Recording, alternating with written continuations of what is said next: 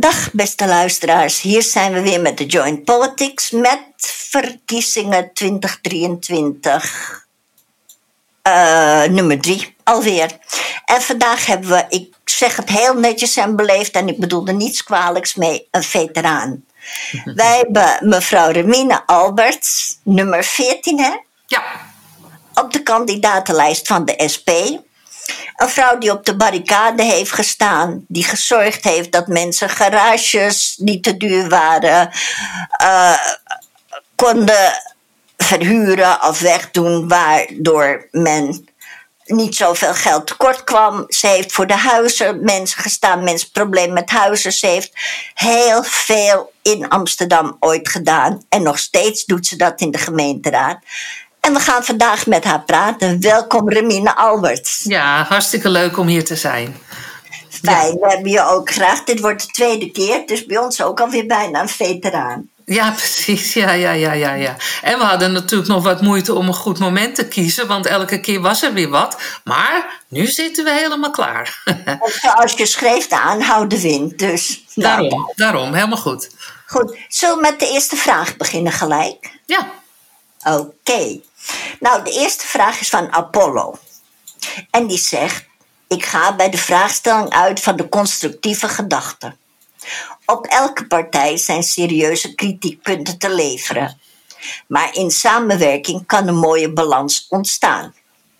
Mijn eerste vraag is: Is de SP bereid om deel te nemen aan een kabinet waarbij dus flink water bij de wijn gedaan moet worden? Ja. Nou, wat is je antwoord? Wat is mijn antwoord? Ik ga eerst, dan begin ik met een aanloopje. Want wij hebben vijf speerpunten. En die vijf speerpunten, die ga ik je noemen. Eerste, bovenaan, helemaal bovenaan staat: stop de ongelijkheid. En daar hebben we een beginnetje voor gemaakt, want van de ene dag op de andere is dat niet over. Maar dat kan door bijvoorbeeld meteen al het minimumloon te verhogen naar 16 euro. En omdat dat gekoppeld is, gaat AOW en de uitkeringen ook omhoog. En dat zou enorm helpen, want de lonen en de uitkeringen zijn enorm achtergebleven in de afgelopen jaren. Terwijl, nou ja, noem het maar, de directies en de, en, en, en de andere hoge heren en dames, die hebben alleen maar meer en meer en meer uh, mogen beuren. Er was ooit was daar de roemernorm. Dat betekent niemand verdient meer dan de minister-president. Maar er zijn mensen die verdienen dat drie, vier, vijf keer. Nou, als je dat afzet tegenover het minimumloon, wat dus achtergebleven is, en als je dat uurloon op 16 euro zet, dan kom je een end in de richting. Dat is één speerpunt. Het tweede speerpunt is goede zorg. En dan zeggen we al meteen: schaf het eigen risico af. En zorg ervoor dat fysiotherapie en tandarts in het basispakket zitten. Het liefste hebben we een nationaal zorgfonds. Daar hebben we ooit heel breed actie voor gevoerd. En dat is er nog steeds dat idee dat we dat willen. Maar beginnen met het afschaffen van het eigen risico. Omdat eigen risico is een boete op ziek zijn. En niemand heeft in de hand wanneer hij ziek wordt. En chronisch zieke mensen zijn altijd de klos. Dus dat is een oneerlijkheid die er bij ons niet in kan. Dan vinden we het heel belangrijk dat je betaalbaar kan wonen. Per slotverrekening staat het in de grondwet. Hè, dat je uh, recht hebt op een dak boven je hoofd. Maar als je ziet wat je moet ophoesten. Dat zelfs hè, als je zegt een sociale huurwoning, die kost nu al tegen de 800 euro per maand. Oké, er zijn er ook goedkopere. Maar als jij naar een nieuwe woning verhuist, ruil de kadel, krijg je gelijk de hoofdprijs om je oren. Dus betaalbaar wonen, dat betekent dat wij voorstellen om de huren te verlagen. En we zijn ook tegen de sloop van woningen. Want wat je hebt kan je beter houden. In plaats van dat je het afbreekt en er duurder voor terugbouwt. Dus dat zijn allerlei ideeën. Daar hebben we nog meer ideeën over. Maar dit is dan een samenvatting. Dan vinden we dat de kosten omlaag moeten. Dat betekent dat de BTW op voedingsmiddelen omlaag moet. want uiteindelijk iedereen moet eten.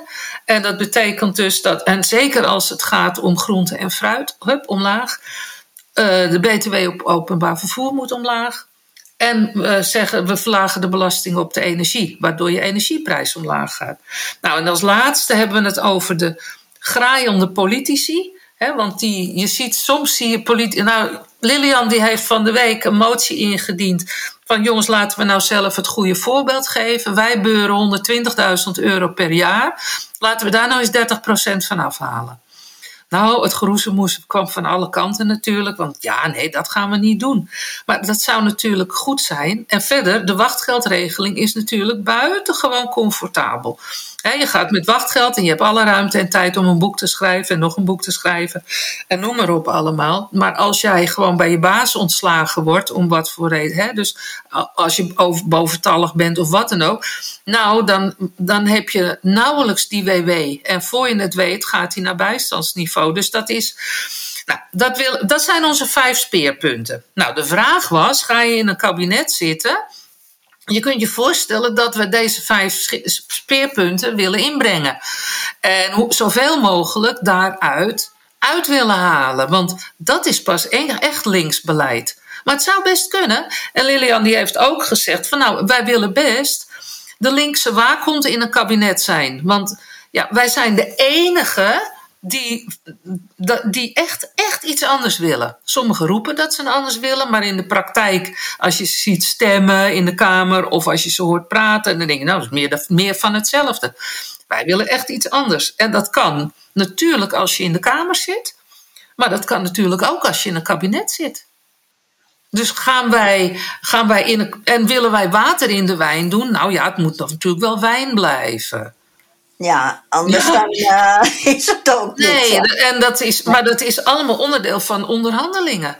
En dat is natuurlijk ook uh, aan andere partijen als ze zeggen van ja, potverdrie, die SP komt wel met goede ideeën en die is vertegenwoordigd, uh, die, die weet wat er leeft onder de mensen en noem maar op allemaal. Die hebben we nodig, die willen we erbij hebben.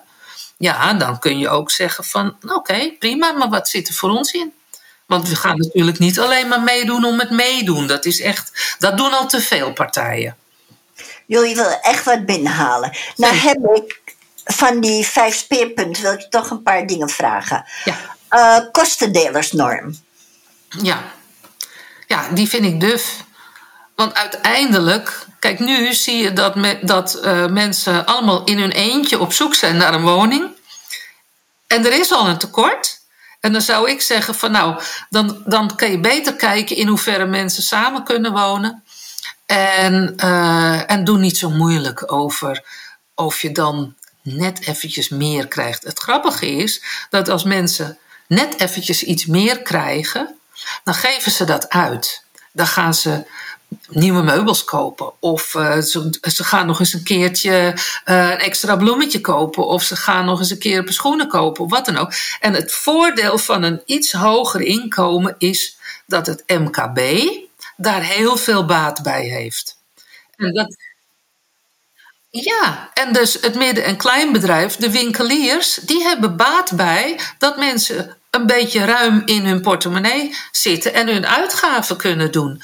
En dat wordt maar elke keer geroepen van dat kunnen we allemaal niet betalen. Maar het komt ook weer terug. En je ziet het ook dat in buurten waar mensen hele lage inkomens hebben, dan zie je dus ook dat het winkelbestand wegkwijnt. Dat gaat, dat gaat één op één gaat dat op. En dus moet je zeggen van nou zorg nou dat mensen geld hebben. En die kostendelersnorm, nou dat is er eentje van. He, dat is toch, als je, het is toch gek als je oud bent geworden en dat je dan niet samen kunt wonen uh, in de woning waar je je prettig voelt en waar het goed toeven is omdat je dan gekort wordt op je inkomen. Of dat je dan minder huurtoeslag krijgt of wat dan ook. Ja, ik vind het raar. Ik vind het raar. Ook.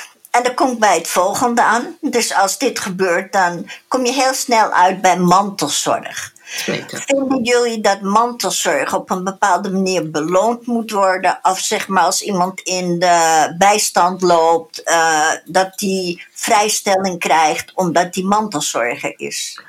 Nou, ik ben zelf heel lang mantelzorger geweest. En niet zo'n klein beetje ook. Dat was 24-7. Mm um, en ik, waar ik tegenaan liep, was niet per se of je een vergoeding ervoor kreeg. Maar wel dat het bijna een verplichting werd om uh, het werk over te nemen van verpleging. En dat is, dat is een andere insteek, hè? Want nu, uh, kijk, natuurlijk, iedereen kan wel een keertje de handen uit de mouwen steken. Maar als je eigenlijk de vervanging wordt van de professionele hulp, dan vind ik dat dat niet moet. Dat is een veel te veel te zware belasting. En dat, dat, dat, dat gun je bijna niemand. En je kan het even volhouden. Uh, maar bij mij was het al te lang en ik heb het 13 jaar gedaan. En dat was dus echt veel te lang. En daar, daar staat geen geld tegenover. Daar staat veel meer tegenover dat je nog even zelf adem kan halen. En dat is, dat is een hele andere insteek. want want die, die, die belasting die zit altijd op je nek. En dat is mijn persoonlijke ervaring. Maar als je dan een beetje uitzoomt en dat ik dan zeg van nou oké, uh, je, je doet het nu niet. Mijn man is overleden, moet ik je even zeggen. Dus daardoor hoef ik dit niet meer te doen. Maar ik zie nog steeds de beweging dat er gezegd wordt: ja, dat kan u allemaal wel doen. En dan denk ik weer, nou, kijk, als dat je iemand wil helpen, dat zit in mensen. Dat is gewoon mensen eigen. En je laat iemand niet in de prut zakken. Maar dat het een, zo een dusdanige zware verplichting wordt, dat vind ik veel te veel gevraagd. En daar zou professionele hulp voor moeten zijn. En dus, kijk, en dan zit je weer, want nu hoor je dus dat mensen zeggen van ja, maar wacht eventjes, ik moet drie, vier keer in de week moet ik mijn moeder helpen, hè? want die is oud en bejaard en krakkemikkig. En die kan het allemaal niet meer zelf. Maar hoe kom ik aan mijn eigen inkomsten? Maar eigenlijk ben je dan gewoon de verpleegkundige daar. Het is alleen een toevallige verpleegkundige die je kent als, als zorgvrager. En zonder papieren. Dat is ook nog zo bijzonder, want je mag als mantelzorger alle verpleegkundige handelingen verrichten. Terwijl een verpleegkundige dat niet mag, want er kan misschien iets gebeuren. Maar dan denk ik weer van nou, dat zou ook kunnen gebeuren als het een, een mantelzorger is. En is dat wel oké? Dus zomaar om te zeggen van je moet een vergoeding krijgen. Nou, ik vind dat um, vind ik een moeilijk antwoord. Ik, ik zou het liever aan professionals overlaten. Dat kan ik me heel goed indenken. Wij zijn allebei zijn we ook mantelzorg 24-7 voor iemand die heel erg slecht is, blind en ja. die geen kant meer op kan.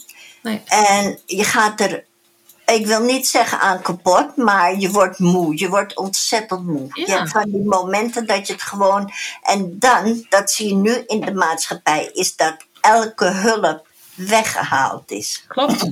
Klopt. Nou ja, en kijk, dan kan je wel. Kijk, jij zegt wij zijn, dus dat zijn meerdere mantelzorgers. Uh, maar als het zo langdurig is en je hebt een team om je heen nodig, je weet, ik weet van mensen met meervoudig gehandicapt kind. Uh, en je hebt daar een team omheen, dan ben je ook nog de manager van het geheel. Want dan moet jij roosteren en jij moet vakanties plannen en jij moet zus en jij moet zo. En dan heb je weliswaar handen aan het bed, maar nog steeds is je hoofd niet vrij.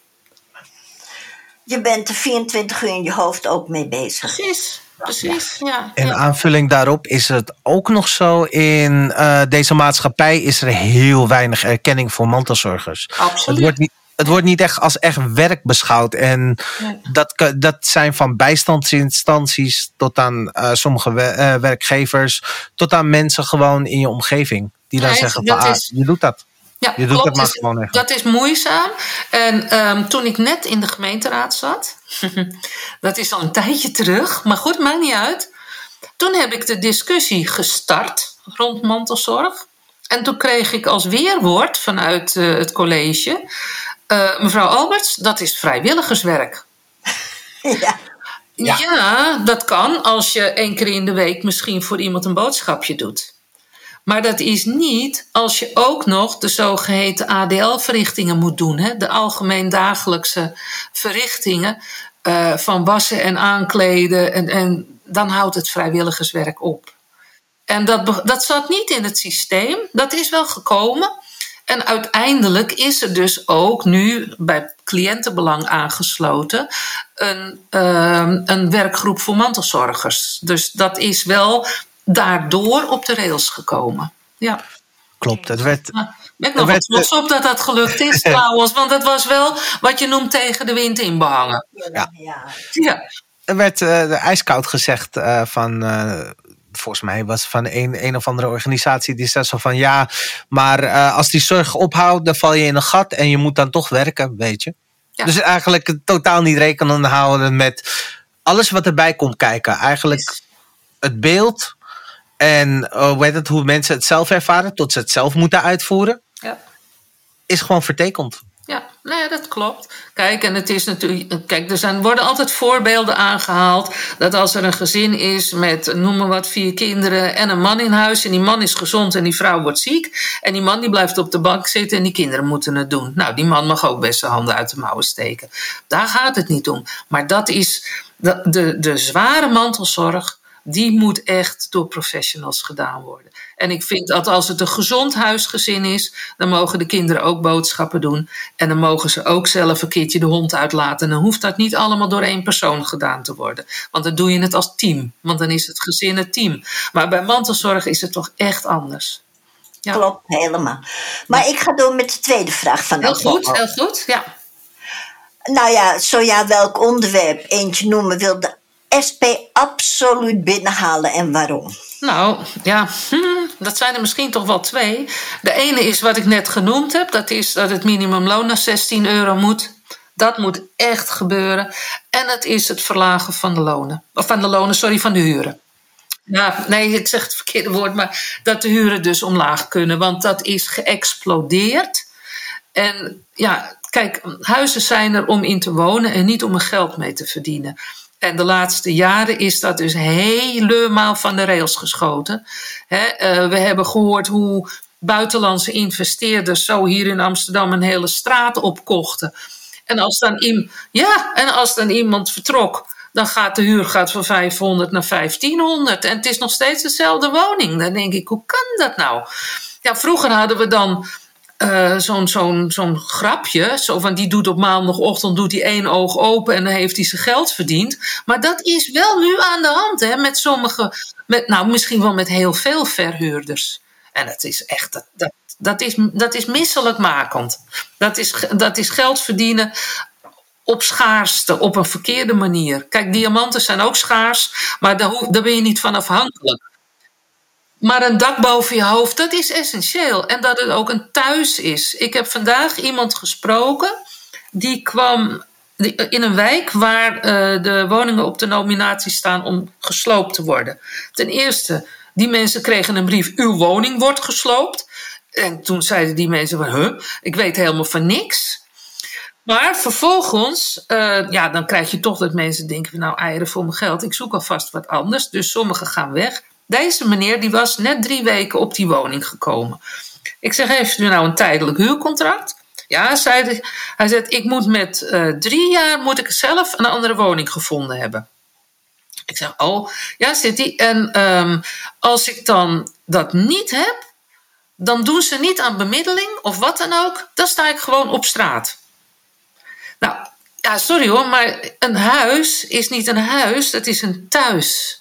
En als je maar zo kort je thuis hebt, ja, dat is, dat is, dat, die onzekerheid is. Nou ja, dat, dat, dat heel veel mensen kunnen zich dat niet voorstellen. Hè?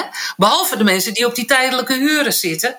Ja, dan vind ik, dan moet je dus zorgen dat niet alleen de huur verlaagd wordt, maar dat ook die sociale woningen beschikbaar blijven en die moet je niet slopen. En dit waren gewone prachtige woningen dat je denkt van, huh, waarom moet dat weg? Maar ja, dan komt er een projectontwikkelaar en die ziet kansen. Ja, nou daar zeg je wat. Uh, ik heb ook zoiets hier in deze buurt waar ik woon. Dat is um, ja, Lastage Nieuwmarktbuurt die kant op. Ja. En daar zijn alle huizen hartstikke duur geworden. Ja. Dat is bijna niet meer te betalen. Maar woningbouwcorporaties die verkopen ook huizen. Zeker. Wat vinden jullie daarvan? Moet je daarmee stoppen? Of? Absoluut. En ik, uh, degene die mij nu horen, uh, en die kennen dat ook van mij, want ik verzet me voortdurend tegen de verkoop van sociale huurwoningen.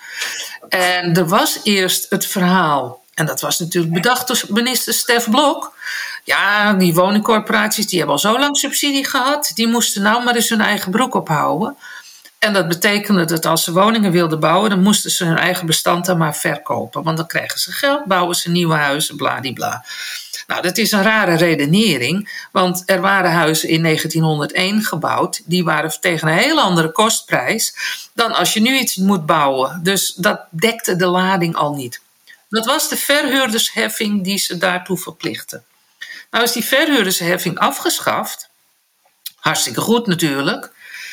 En dan is het nog weer niet goed met die corporaties. En dat snap ik niet. Ik heb al tegen de wethouder gezegd, en wie ook die dat horen wil, ze moeten niet miepen. Want nu is het weer van ja, nee, we hebben nog te weinig geld, want we moeten verduurzamen. Nou, dan denk ik weer, verduurzaam dan van dat geld wat je eerst terug moest betalen aan verhuurdersheffing en gebruik dat geld nu, want je hebt het. Je hebt het verdiend, want je hebt die verhuurdersheffing is doorberekend in de huur. Dus ze hebben gewoon dat bedrag wat steeds gestort moest worden naar Den Haag, dat hebben ze gewoon. Gebruik dat nou voor die verduurzaming. Nee, dat, is, dat gaat niet en moeilijk, moeilijk. En dus moeten we nog steeds verkopen. Dus we gaan gewoon door.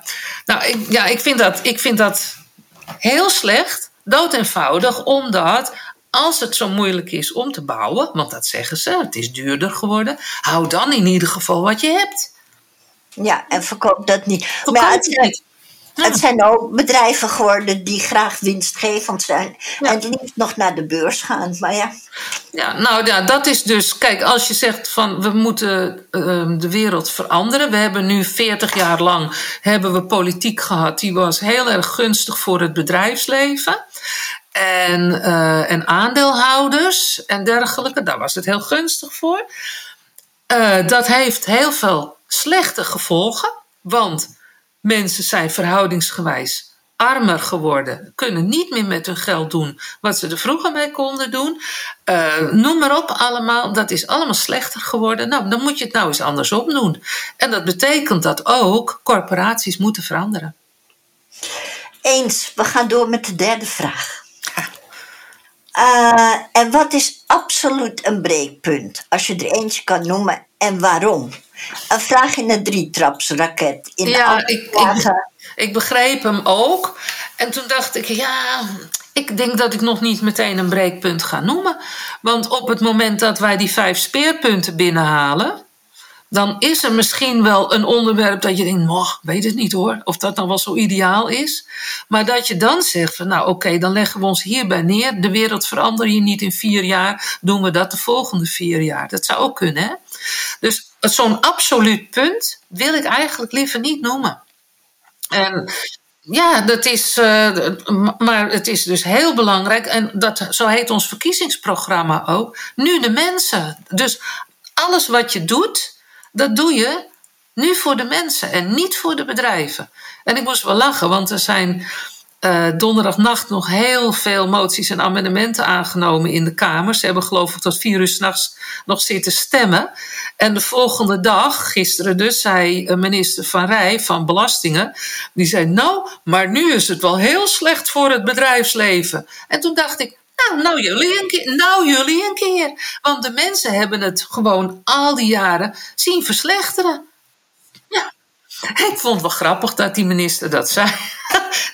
Ja, dan weet ik ook weer aan welke kant jij staat, dacht ik onmiddellijk. En dan betekent dus dat hij komt, uh, wat is hij, geloof CDA, ik weet het niet eens meer. Uh, dan moet je niet op die partij stemmen, want die zitten nog in die denktrand. Exact, in het kapitalistische ja. denken. Nou, dan gaan we over naar flip switch. Ja. Vertel eens, wat is uw ideale kabinet en met welke partijen? Nou, dat is. Uh... Eigenlijk hebben we het al gezegd, hè? Ja, hè? Het, het, is, het, is natuurlijk, het is zo links mogelijk. En het, het moet zijn met partijen die ook deze veranderingen. Niet alleen dat ze zien dat er iets moet veranderen, maar dat ze het ook willen. Want er zijn er ook een heleboel die zeggen van nou, ik, uh, uh, ja, ik vind het erg. En ondertussen gaan ze niks doen. Maar dat kun je wel met elkaar afspreken. Um, met welke partijen? Nou, wat staat er het dichtst bij ons? Je kun je, dat kun je gewoon zien aan hoe er gestemd wordt in de Kamer, maar ook in gemeenteraden en in uh, provinciale staten. Ja, dat is toch uh, de combi PvdA GroenLinks. Dat is ook de Partij voor de Dieren. Dat is zeer regelmatig toch de ChristenUnie. Dus zeker in de provincie zie ik dat wel gebeuren. Ehm, nou ja, en, en ja, wat je nog meer nodig hebt, bij wijze van spreken, om een meerderheid te halen. Maar ja, dan, hoe liberaler, hoe minder uh, enthousiast ik word. En daar zit Volt bij, hè? Volt zit eigenlijk in de hoek van D66 en de VVD. Ja, uh, aardige mensen, daar gaat het allemaal niet om. Maar ik denk dat dat de wereld niet gaat veranderen. Hoewel zij denken zelf van wel, maar dat is niet zo. Nee, maar ik denk om die meerderheid te krijgen als je één partij erbij hebt, zoals Volt bijvoorbeeld. Ik ben zelf ook niet een voorstander van. Mm. Maar dan kan je ze toch wel een beetje hoe zou ik het zeggen? Tuurlijk. Nee, zij vinden het bijvoorbeeld dat participatie heel belangrijk is. Nou, dan zou ik zeggen, in de onderhandelingen krijgen zij dat punt. Ja. Wij vinden het ook belangrijk. Hè? Daar, ik bedoel, wij willen ook een radicale democratisering. En dat betekent dus heel veel participatie. Um, maar zij hebben dat echt als ja, extreem speerpunt. Nou ja, zo, zo zou je elkaar kunnen vinden. Maar ja, eerst maar eens zetels halen, hè? dat vind ik toch wel een, ja, dat is wel een opdracht. ja. Goed, dan gaan we naar het volgende. Eva van Goor. Ja. We gaan even naar het buitenland. Ja. Wat is jullie standpunt ten aanzien van de Russische inval in Oekraïne? Ja. Wat moet Nederland nu doen en zelf en in de EU-verband? Ja, nou, wij, wij hebben steeds gezegd dat de inval vanuit Rusland dat is een agressieve daad. Dus dat is een oorlogsdaad. En dat betekent dat Oekraïne zich mag verdedigen. je kan ook zeggen van nou geef je over, doe niet zo dom, want uh, Rusland vindt er iets van. Nee, Oekraïne is een zelfstandig land, een autonoom land, en dat wordt binnengevallen en dan mag je je verdedigen. Verder hebben wij gezegd, en dat willen wij ook helpen. Want als jij met zo'n agressor te maken krijgt, dan mag je dat ondersteunen. Maar tegelijkertijd moet je opletten. Want je kunt escalerend werken door steun te geven. En welke steun? Enzovoort. Wanneer wordt het linkersoep? Zodat Rusland denkt: hé, hey, nu gaat de NAVO meedoen. Ja, en dat is balanceren. En daar moet je enorm mee opletten. En we hebben ook tegelijkertijd, hè, dus aan de ene kant oppassen met hoe ver ga je in die steun. En aan de andere kant inzetten op de-escalatie. Want uiteindelijk, elke oorlog eindigt op de een of het ander moment aan de onderhandelingstafel. En dan kan je zeggen van nou gaan we eerst ons wapentuig allemaal opmaken. En dan als we als twee uh, hijgende boxers in de touwen hangen van we kunnen niet meer, dan gaan we praten, maar je mag ook eerder beginnen. Dat is veel verstandiger. Dus de-escalatie, vredesonderhandelingen en ja, zo snel mogelijk als het kan. En niet wachten totdat beide partijen uitgeput zijn. Want dat helpt niet. Er gaan alleen maar onschuldige mensen gaan er over de kling. Een land wordt naar de vaantjes geholpen. Want voordat alles, alle stenen weer op elkaar staan, ben je weer zo'n tijd verder. Dat kost kapitalen met geld. En ondertussen is er geen geld voor onderwijs, voor zorg, voor. Nou, voorzien maar. dus uh, ja, pas op met hoe ver je daarin gaat. Ja. En moet Nederland daar alleen iets aan doen? Of zeg je van nou, in EU-verband moeten we dat eigenlijk? Dat we zorgen dat. Want ja. escalatie, dat duidt op oorlog. Dat Precies. Nou ja, het is oorlog, maar we willen. Uh, uh, het liefste willen we helemaal geen oorlog, maar laten we hem vooral daar houden. Ja, dat dus. Hè, want voordat je. Nou ja, goed, dat, dat risico dat moet je niet lopen. Kijk, het is nu steun vanuit de NAVO, uh, maar ook dus de EU. Uh, die wil dat ook. Want zeker als je weet dat aan de andere kant van de grote plas, daar zit een meneer en, en die was president en die wil dat weer worden. En die zegt, ja, Europa moet het nou maar eens zelf doen. Want uh, wij Amerikanen, wij hebben daar nou al te veel ons best voor gedaan. Die wil, die wil dat niet meer. Hè? Ik heb het over Trump. Um, maar dat is wel iets wat gaan spelen natuurlijk ook. En, maar dan is het weer de vraag, hoe ga je dat doen in Europa? En ik weet dat er partijen zijn die willen een Europees leger. Ik denk dat dat heel onverstandig is. Heel onverstandig. En dan zeg ik het nog netjes. Omdat namelijk ehm, de zeggenschap over het leger, dat is dan, die is dan weg. En dat betekent, want uiteindelijk de besluiten die in uh, Brussel genomen worden, je ziet, je ziet af en toe dat daar besluiten worden genomen. En voordat dat uiteindelijk helemaal door de lidstaten heen is gegaan en iedereen daar zijn zegje over heeft kunnen doen, ja, dat duurt lang. En in tijden van oorlog kan dat niet. Want tegen de tijd dat je uitvergaderd bent, ja, snap je? Dus je moet snel handelen. En dat betekent dus dat de individuele staten het mandaat uit handen moeten gaan geven om al dan niet een besluit te nemen over deelname of en hoe dan enzovoort. Nou, ik denk dat we dan heel ver weg zijn van iets van, nou ja, noem het vredesbeheersing.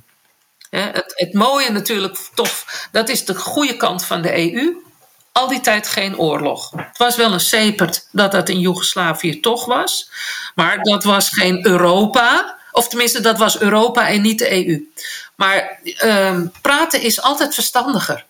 Praten is gewoon verstandiger. En dan dat wapengekletter, dat is echt onzin. Daar, ik bedoel, de inval nu in, met, met, uh, met Gaza, dat, dat vreselijke conflict daar. En op, zo, op, van vrijdag op zaterdag is er de inval uh, en de, de aanval door, door Hamas. En je ziet op maandag zie je in Amerika de beurzen door het dak vliegen van de wapenindustrie.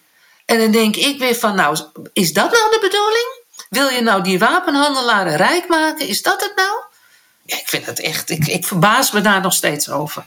Ja, maar daar draait toch alles om in oorlog, om de wapenindustrie. Want zolang de wapenindustrie op top blijft, wordt er verdiend, gaat het goed met de economie. Ja, dat is, dat is, een, dat is een, eh, een hele nare, dubbele kwestie. Want tegelijkertijd moet je dan helemaal niet. Ja, er is er altijd eentje die stiekem. En dan ben jij weer de, de pineut. Dus je moet wel iets op orde hebben. Maar goed, en, verder moet ik hier mijn mond over houden, want ik heb geen verstand van oorlogvoering. maar het, het, algemene verhaal is natuurlijk: probeer zo snel mogelijk aan de onderhandelingstafel te komen. Nou, dan even. Het, heeft wel, het raakt aan oorlog, maar het heeft niet echt wat mee te maken tot op een bepaalde hoogte. Maar moet Nederland weer zelf een wapenindustrie opzetten? Of zeg je van. Hmm. Nou, uh, er, is, er is nog Nederlandse wapenindustrie, maar dat zijn allemaal deeldingen. Ja. Uh, dat is, dat is uh, nou ja, wat is het, infraroodtechniek en, en dat, dat soort. dat zijn geen kanonnen of zo. Hè? Of vliegtuigen. Ik denk dat je dat, nou ja, ik weet niet wat we ermee opschieten als we het zelf gaan doen.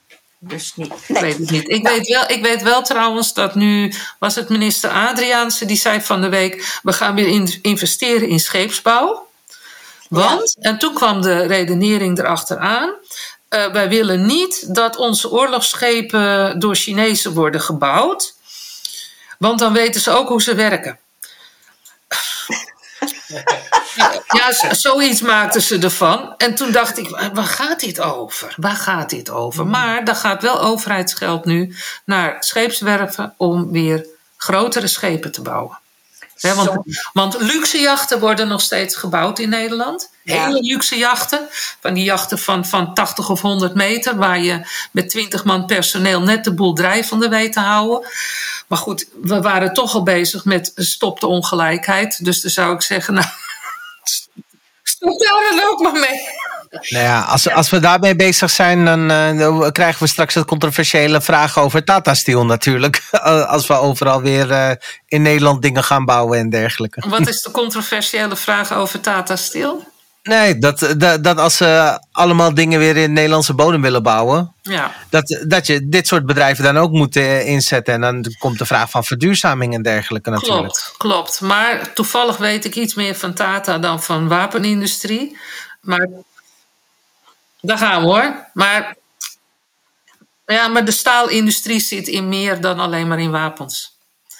En de staalindustrie zit ook in spoorrails. En in, in blikjes. En in, um, nou ja, ik zeg altijd maar, ook in auto's. Zelfs als die elektrisch rijden. Die zitten in windturbines. Je wil niet weten waar allemaal staal in zit. Dat is wel een strategisch bedrijf. Tata. Het is een heel Maar- strategisch bedrijf, maar het moet wel schoon. En Dat, het mag niet vervuilen. Nee, Ja, inderdaad. gisteren. En niet eh, eh, op zijn 1130ste, want dat is wat de directie van Tata nu wil. Die wil in 2050 eens een keertje klaar zijn. Nou, dat vind ik van een tuttebollerige traagheid. Dat ik denk van, jongens, dit kan best een tikkie meer. Maar dan moeten ze iets meer van hun winst afromen. En die inzetten om te vergroenen. Ja, en afromen van de winst, hè, dat is bij eh, particuliere bedrijven altijd een dingetje. Ja, precies. En als je ook bedenkt dat er eh, vorig jaar al eh, duurzaam staal is gemaakt. Dus eigenlijk op waterstofgas. eh, Ja, als ik het kan. goed Dus het- de technologie bestaat wel ervoor, inderdaad. Zeker. En daar een stuk investeren, dat zou voor iedereen een voordeel zijn. Dat denk ik ook. Dat, daar ben ik van overtuigd dat dat heel goed is. Dat is goed voor de mensen die er werken. Want die werken nu ook in die giffabriek in feite. En het is goed voor de mensen die eromheen wonen. Maar het is tegelijkertijd is het wel een bedrijf wat ehm, verdient. En dan vind ik weer, dan moet dat geld niet naar India gaan, want daar zit de eigenaar. Maar dat moet gewoon in Nederland blijven, als je daar geld mee verdient. En dan kun je wat mee. Maar ja, dat is ook een cultuurverschil. Want India, dat is nou niet bepaald een land wat bekend staat om het helpen van mensen die minder hebben. Hè? Ehm, ja, daar, daar is ook nog een taak te verrichten. Maar als wij Tata Steel in handen laten blijven van deze Indiase eigenaar, zal de bevolking al daar er geen cent op vooruit gaan. Daarom. Hij, hij wel, hij wel. Hij wel, ja. Dus we halen het gewoon terug in Nederlandse handen. Dat zou niet verkeerd zijn. Nou, neem we gelijk nog even Vattenfall terug naar Nuon. En wat hebben we nog meer voor bedrijven? Alles Ja, wat eh, verkocht is. Ja, nee, precies. Je moet dus heel goed kijken. En er is. ehm, de verhoudingsgewijs is er al heel veel naar de markt gegaan. Want er was zelfs in de, tijdens corona de discussie dat de enige medicijnfabriek die we nog hadden, die moest ook verkocht worden. Nou, dat is toen even on hold gezet, maar nu gaat die toch de deur uit. En dan denk ik, wat. wat nou ja, het is. ehm, ja, ze noemen dat de kostenbatenanalyse, zoals dat heet. En een particuliere eigenaar die zal veel meer op de baten zitten. En dus de kosten zo laag mogelijk willen houden. En ehm, nou ja, dat kan of in het buitenland goedkoper. Of je haalt goedkope arbeidskrachten hier naartoe. Dat zijn de twee mogelijkheden. Daar komen we dat- zo op. Ja, dat weet ik. Ik maakte het bruggetje alvast. Ja. Maar dan zit ik toch te denken, die kostenbaten, hè? als je Ja. nu neemt bijvoorbeeld met ziektekostenverzekering. Ja. Dat zou dan goedkoper moeten werken, want er zou eh, concurrentie zijn. Maar uiteindelijk, mensen die gaan niet naar een dokter, gaan niet naar een ziekenhuis. Precies. Precies. En uiteindelijk kost het veel en veel meer als die mensen dan terechtkomen bij zo'n arts uiteindelijk. Dus Ja. in hoeverre is een kostenbaten, is dat niet een momentopname? Nou, kijk, het, zo is het verkocht hè, aan, aan de verschillende beslissers, maar ook aan het volk, zodat ze accepteerden dat deze besluiten genomen werden. Ehm, dat die concurrentie die zou het goedkoper maken. En er werd altijd, de telefonie werd als voorbeeld gehouden. Weet je nog? Nou, Nou, toen ging het goed hè, met de telefonie. Heb je, mensen zouden eigenlijk eens moeten optellen wat ze per maand kwijt zijn aan telefonie. Heel veel.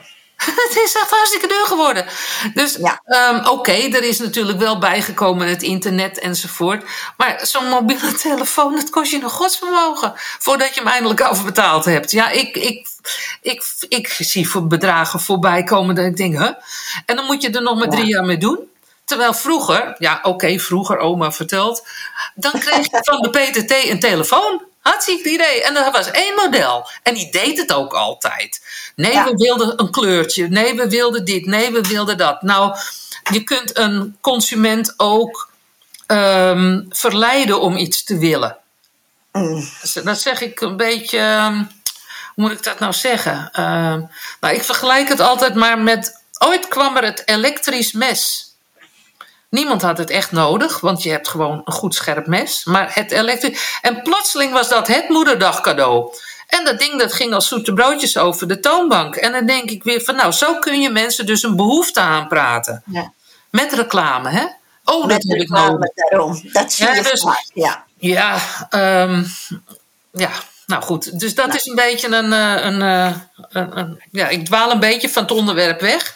Maar Nee, geeft niet, maar het is wel eh, het is leuk. Het komt wel neer, want we gaan nu naar de volgende vraag dan. En die is van Ad Buizen. ja, En hoe kijkt de SP aan tegen het steeds dreigender tekort aan arbeidskrachten, onder Ja. andere door vergrijzing? ja, En het daardoor, mijns inziens, onvermijdelijk moet inzetten van arbeidsmigranten. Ja. En moeten we daar dan asielzoekers ook zo snel mogelijk bij betrekken? ja.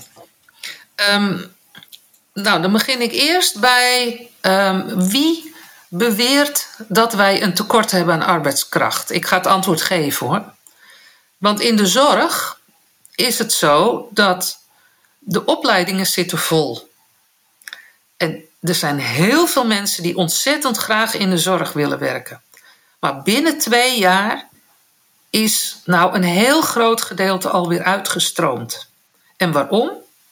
Slechte arbeidsomstandigheden, laag loon, gek worden van de bureaucratie, wat je allemaal niet moet invullen. Die mensen die flaten gillend de tent. Hebben we dan een tekort aan arbeidskracht? Nee hoor, daar niet. Als je de arbeidsomstandigheden goed maakt. Nou, dat is er één. Het andere is eh, de, ehm, de, de voedingsindustrie. De kassen en het veebedrijf enzovoort. Als je gaat kijken naar de vleesproductie, 80% is voor het buitenland. En dan moeten in die slachthuizen, moeten mensen, nou je, je, wil er niet, je wil er niet aanwezig zijn in die slachthuizen. Dus wat krijg je daar? Ja, de mensen die denken, ja, ik kan daar meer verdienen dan thuis, dus ik ga. Het is wel een klote klus, maar ik doe het toch. Hè? Die worden hier naartoe gehaald tegen schandalig lage prijzen. Want een groot gedeelte van hun loon moeten ze weer teruggeven aan de baas vanwege de huisvesting. Ja, ik vraag me af of daar nou het grote arbeidstekort is. Als je dus je afvraagt, moeten we wel zo verschrikkelijk veel vlees voor het buitenland produceren? Dat scheelt hier in de uitstoot, dat scheelt hier in het dierenwelzijn, dat scheelt hier in de megastallen, dat scheelt hier in een heleboel dingen meer. De stikstofuitstoot, die hele discussie die we erover hebben gehad. Ehm, en dat scheelt ook in de vraag naar arbeidskrachten. Ja, ehm, hetzelfde met de distributiecentra. En dus de pakjesindustrie, om het maar zo te noemen. De, de, de Nederlandse regering heeft alles in het werk gesteld Namelijk met uh, allerlei gunstige voorwaarden, of iets in belastingen of in de grond aankopen of wat dan ook, om die grote blokkendozen in de weilanden neer te zetten. En dus werd er gedistribueerd vanuit Nederland. België is een vergelijkbaar land als Nederland, maar die heeft die dozen niet in de weilanden staan. Alleen omdat de Nederlandse regering beleid had om ze naar ons toe te trekken. Ja, en dan krijg je dus dat je mensen uit hun vaderland wegtrekt.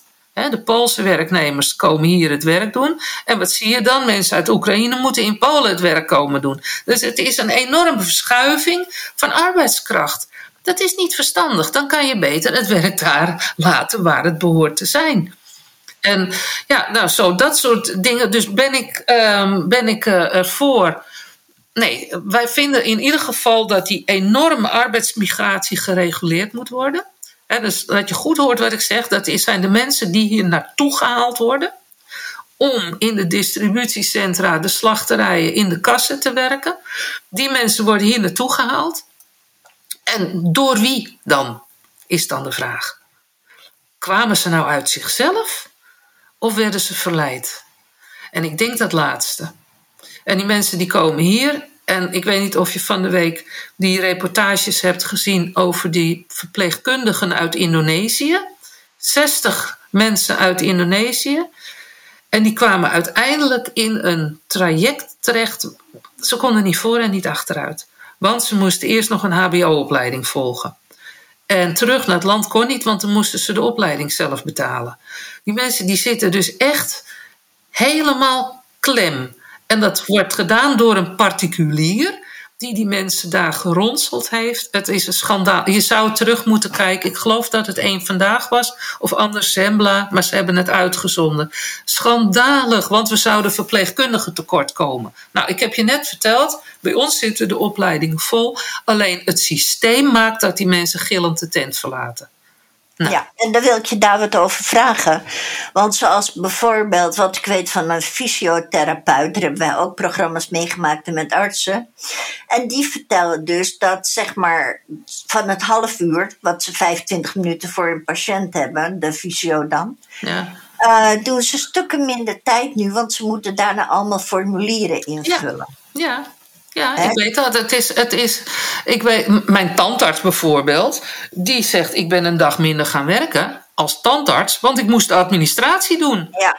Nou, Oké, nou zijn de inkomsten van een tandarts misschien uh, nog steeds gunstig dan, hè? want dat kan. Maar uh, de tandartsassistente die heeft er ook mee te maken. En het is, het is uh, ja, dat krijg je eigenlijk. Het is georganiseerd wantrouwen. Want daarom moet je al die formulieren invullen. En dan nog gaat het verkeerd. En dat hele bureaucratische gedoe, daar worden de mensen helemaal kierenwiet van.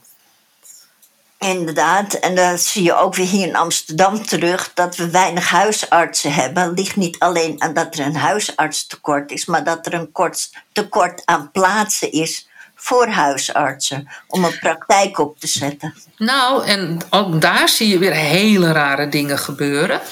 Um, want een huisarts wordt gezien als ondernemer. Dus als hij een plek nodig heeft, hè, waar je je praktijk kunt houden, dan word je benaderd als ondernemer en dus krijg je een marktconforme prijs gerekend omdat je ondernemer bent. Nou, het is te gek voor En datzelfde gebeurt met de fysiotherapie. Die worden ook gezien als ondernemer.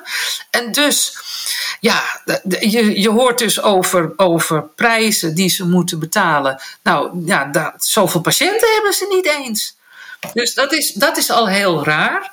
Uh, op zich is er ja, er is wel en er is geen tekort aan huisartsen. Uh, huisartsen willen niet meer, zoals het vroeger was, 24-7 beschikbaar zijn. En dat is op zich, hè, dat ze zeggen van nou, mag ik ook leven? Dat is, we hadden het net over de mantelzorg. Heb je het ook over huisartsen? Ik vind dat geen irreële vraag. Maar dat betekent dus dat je op het aantal inwoners heb je dus wel meer artsen nodig, omdat ze dan kunnen roosteren dat ze dan, doe jij maandag, dan doe ik de dinsdag. Nou, dat soort dingen meer. Heeft ook weer nadelen als patiënt zijnde. Want dan bel je dus de huisartsenpraktijk waar er meerdere zitten. Wie wil u hebben? Krijg je dan als vraag van de assistenten. En dan, ja, ik ben dan zo'n droge. Dan zeg ik, nou eentje die het kan.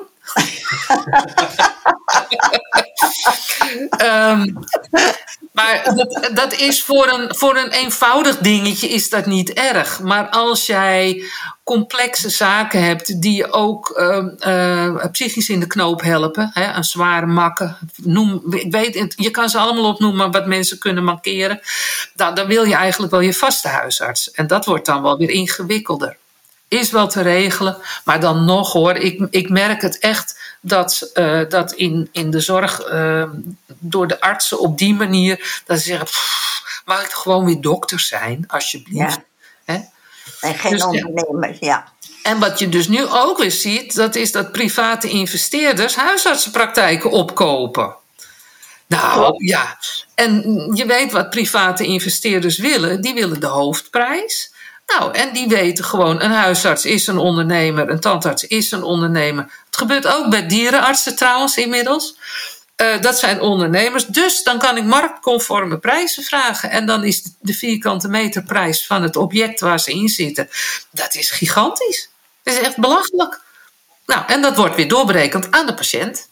Of via de zorgverzekeraar die zegt: ja, dan wordt het wel heel duur. Gaat het eigen risico omhoog, weet je? Nou, en zo hou je elkaar in de klem.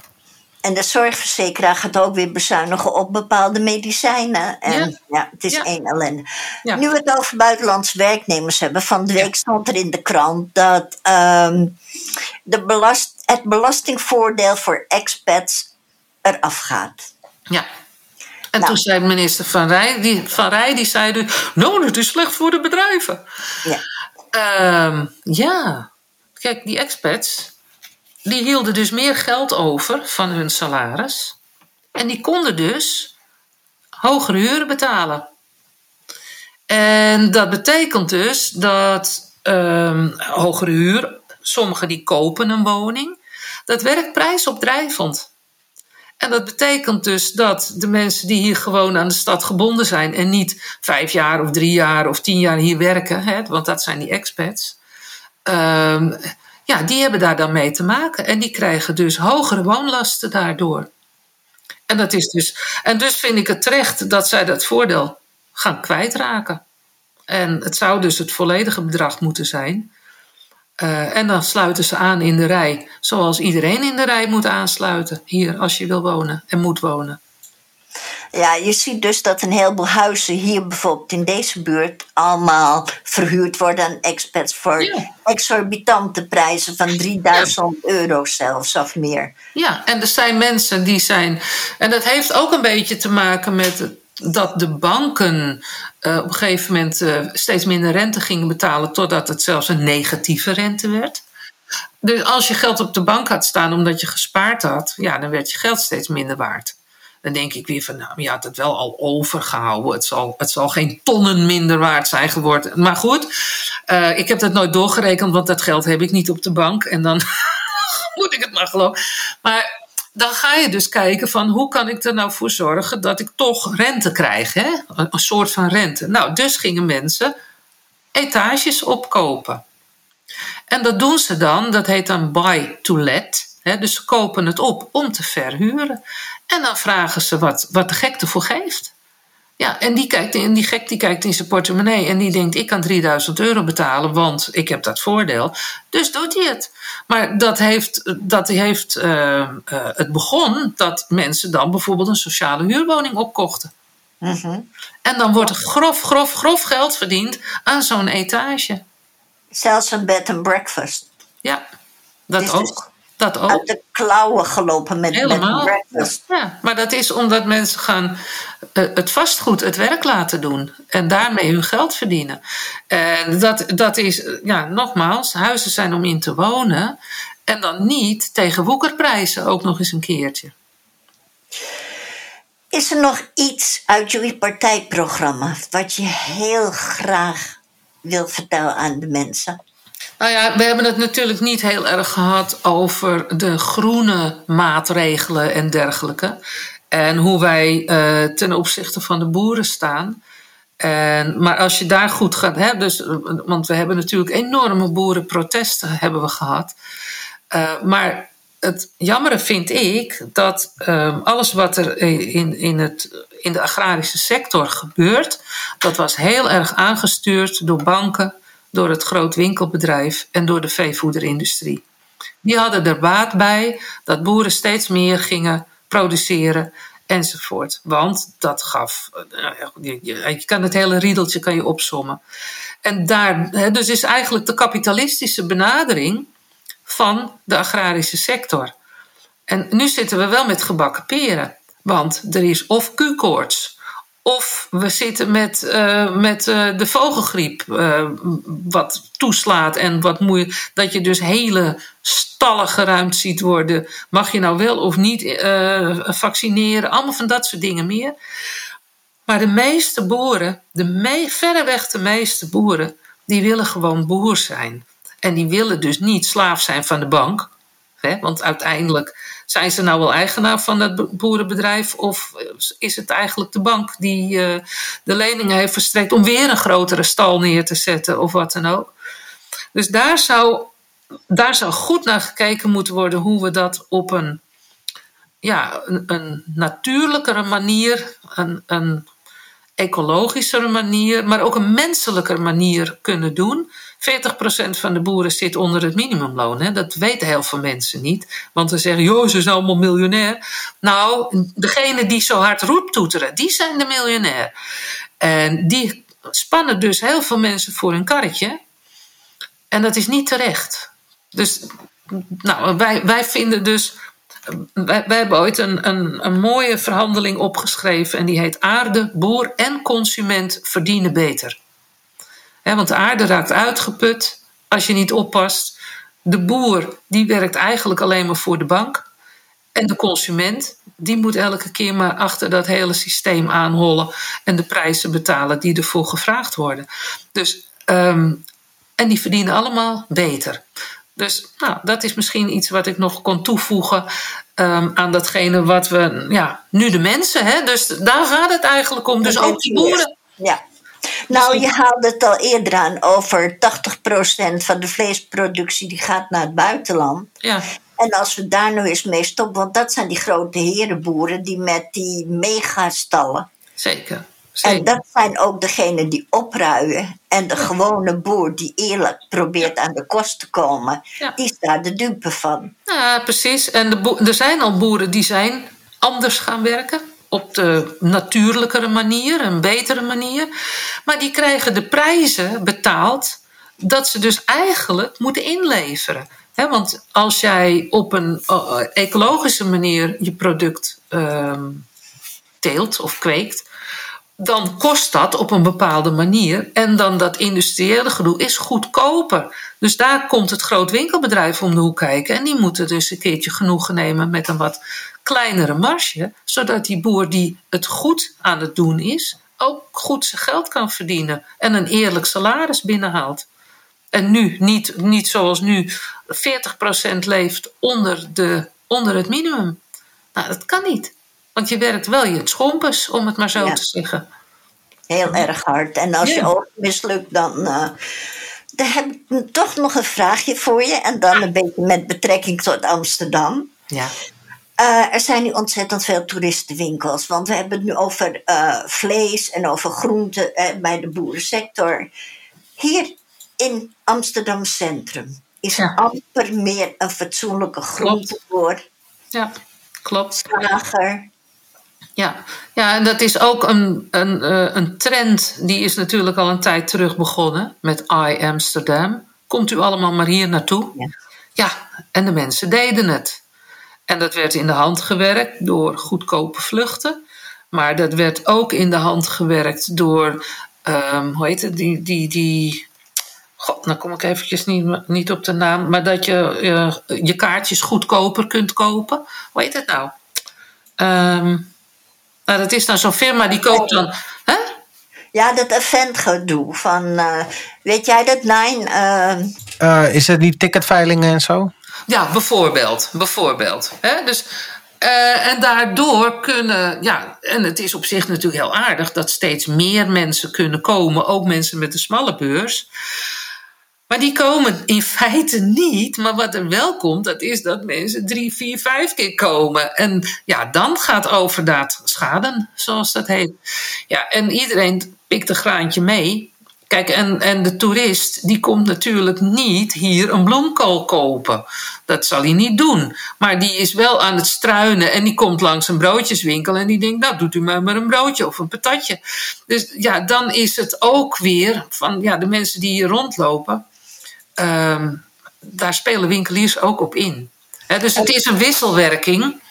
Maar goed, dat betekent dus dat als je dat niet meer wil, dan moet je ervoor zorgen. Dan moet je Amsterdam onaantrekkelijk maken voor toeristen.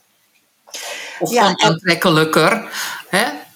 Dat en dat heb je ook met de prijs van de huizen. Want al die, wat zijn het voor donutstores, ijswinkels en weet ik wat die betalen allemaal de hoofdprijs voor het pand, kaaswinkels, voor het pand waarin ze zitten. Ja.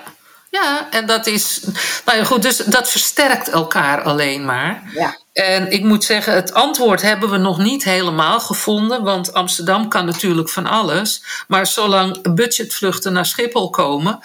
Uh, ja, dan zitten wij toch ook een beetje met, ja, voor Jan Doedel zitten we erbij, want ja, hou die mensen maar eens tegen. En natuurlijk, we hebben de toeristenbelasting en we hebben de vermakelijkheidsretributie, waardoor je de prijzen um, toch hoger kunt maken. Maar um, ik denk dat het nog steeds te weinig is om mensen te weren. Hè? Want ja, je wilt toch allemaal een keer naar Amsterdam. Helemaal niets mis mee. Maar ik denk gewoon dat een heleboel vastgoed uit handen moet van die bij de hand jongens. Ja, Die zeker. dik geld verdienen. En ik denk als die mensen niet zoveel kaas of donuts of weet ik wat gaan kopen. Dat je dan ook een ander soort publiek gaat krijgen. Mm, ja, dat zou kunnen. Maar het, het is echt, echt al heel lang geleden dat ik, ehm, dat was toen wethouder Jikkie van de Giezen, die wilde al van de patatcultuur rond het Leidseplein af. Nou, dan hebben we het over tweeda- jaar 2000 of zo, iets in die geest. Dus het, het speelt ook al een tijd. Maar ja, nogmaals, als je de sluizen openzet, dan komt het water. En dat is, en dat is gedaan. En ja, als je het niet wil, ja, dan moet je dus weer terug. En dan wordt het ingewikkeld. Want doe die deur maar weer eens dicht. Goed.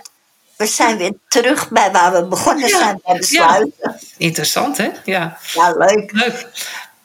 Nou, we zijn door de vragen heen. Ik heb het een heel prettig gesprek gevonden. Ja, ik ook. Ik ook. En ehm, nou ja, je weet het, hè, de aanhouder wint. Dus als je nog eens een keertje wat van me wil horen, ehm, nou, stuur een appje en eh, we gaan weer kijken in de agenda of het kan. Altijd welkom. En ik wil je hierbij heel erg bedanken voor dit leuke gesprek. En Ja. ik hoop dat er een heleboel mensen op je gaan stemmen. Ik wil ook dat nog even toevo- toevoegen, eventjes aan jou.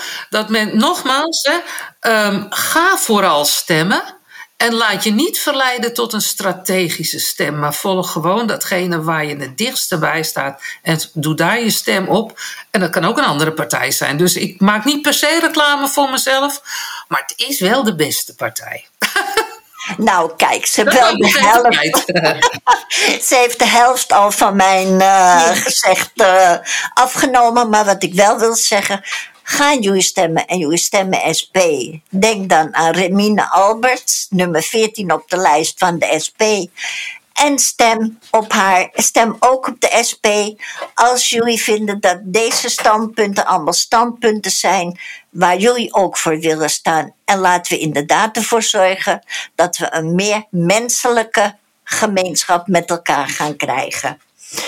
Dit was de Joint Politics voor deze week. En bedankt voor jullie aandacht en vragen.